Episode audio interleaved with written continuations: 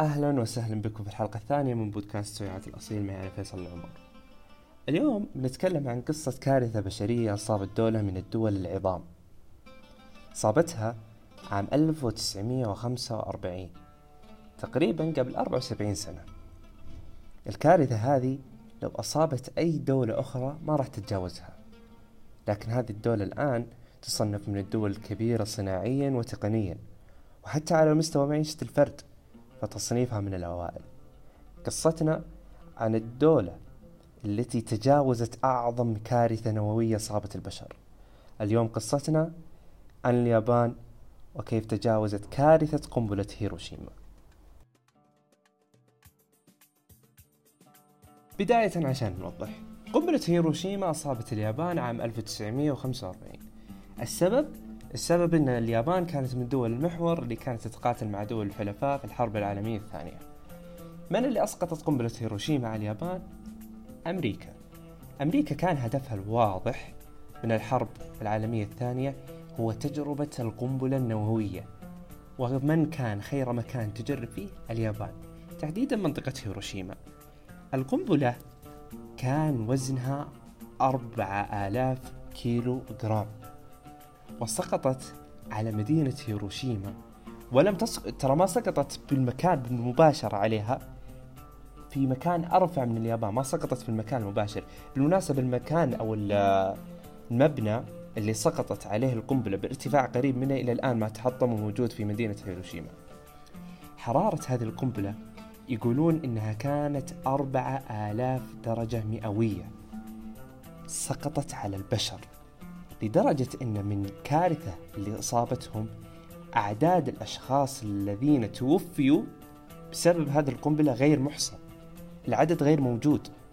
وتقديرا من الناس علشان يبدون يحسبون قالوا خلونا نقول إن اللي كانوا ساكنين في المنطقة تلك كاملة توفيوا.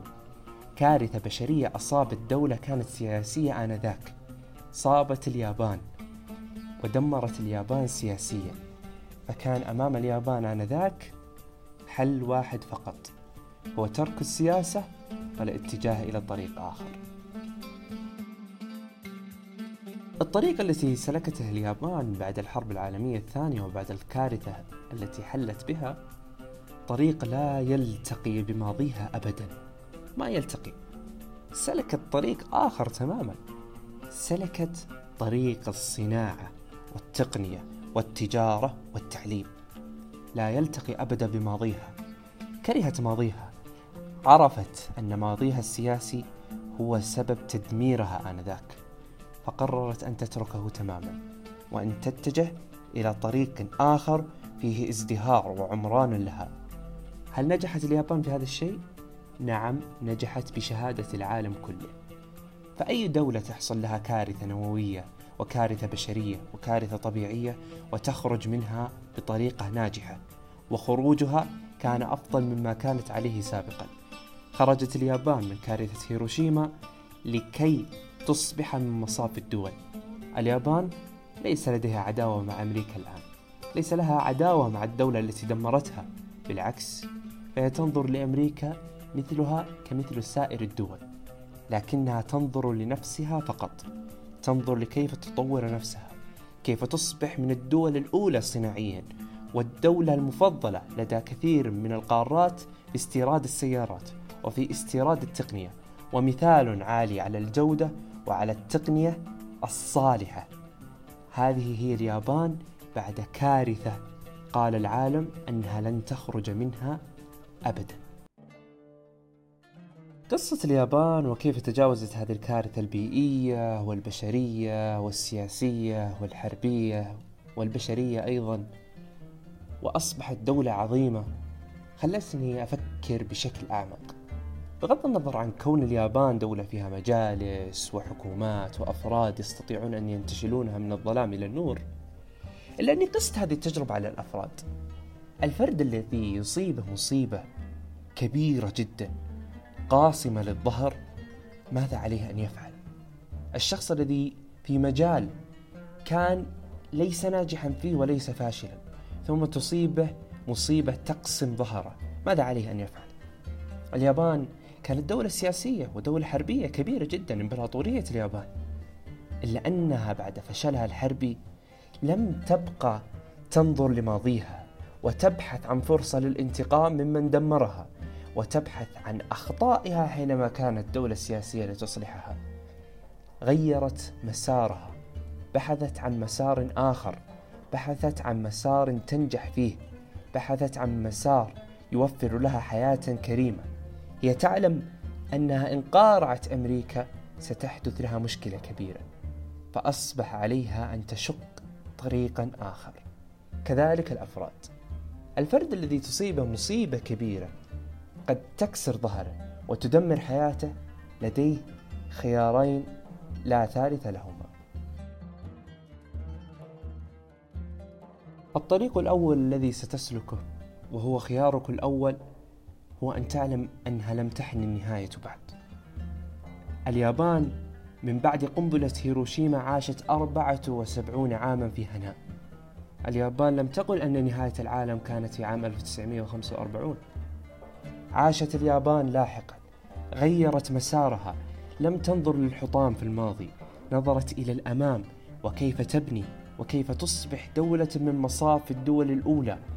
كان عليها أن تنفض غبار الماضي وأن تبعد آثار الحرب وأن تبدأ في آثار دولة جديدة. كذلك أنت.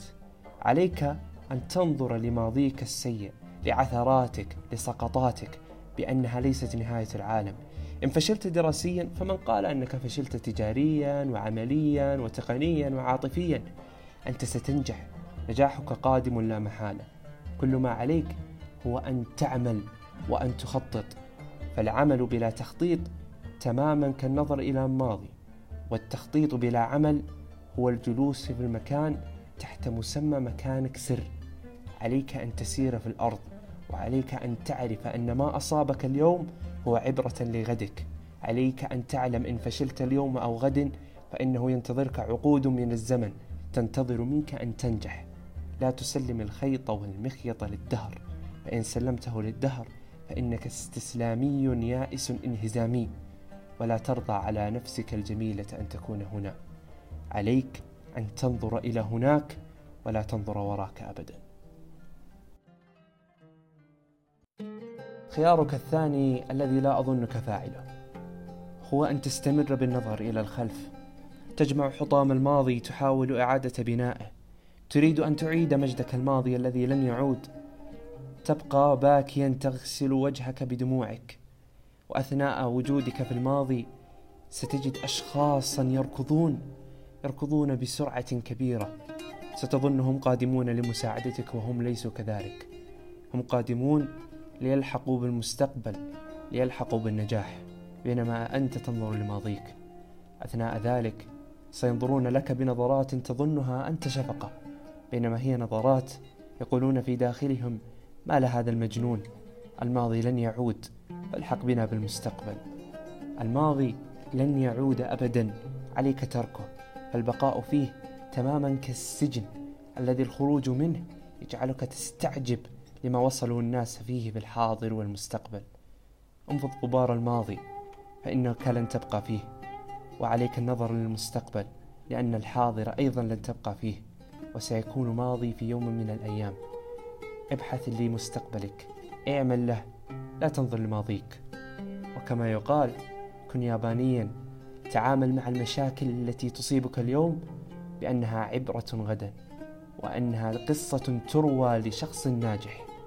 كان ناجحا فحصلت له مصيبة ظنوا أنه لن يعود منها إلا أنه بعزمه وقوته وإصراره أصبح شخصا ناجحا لا يشق له غبار.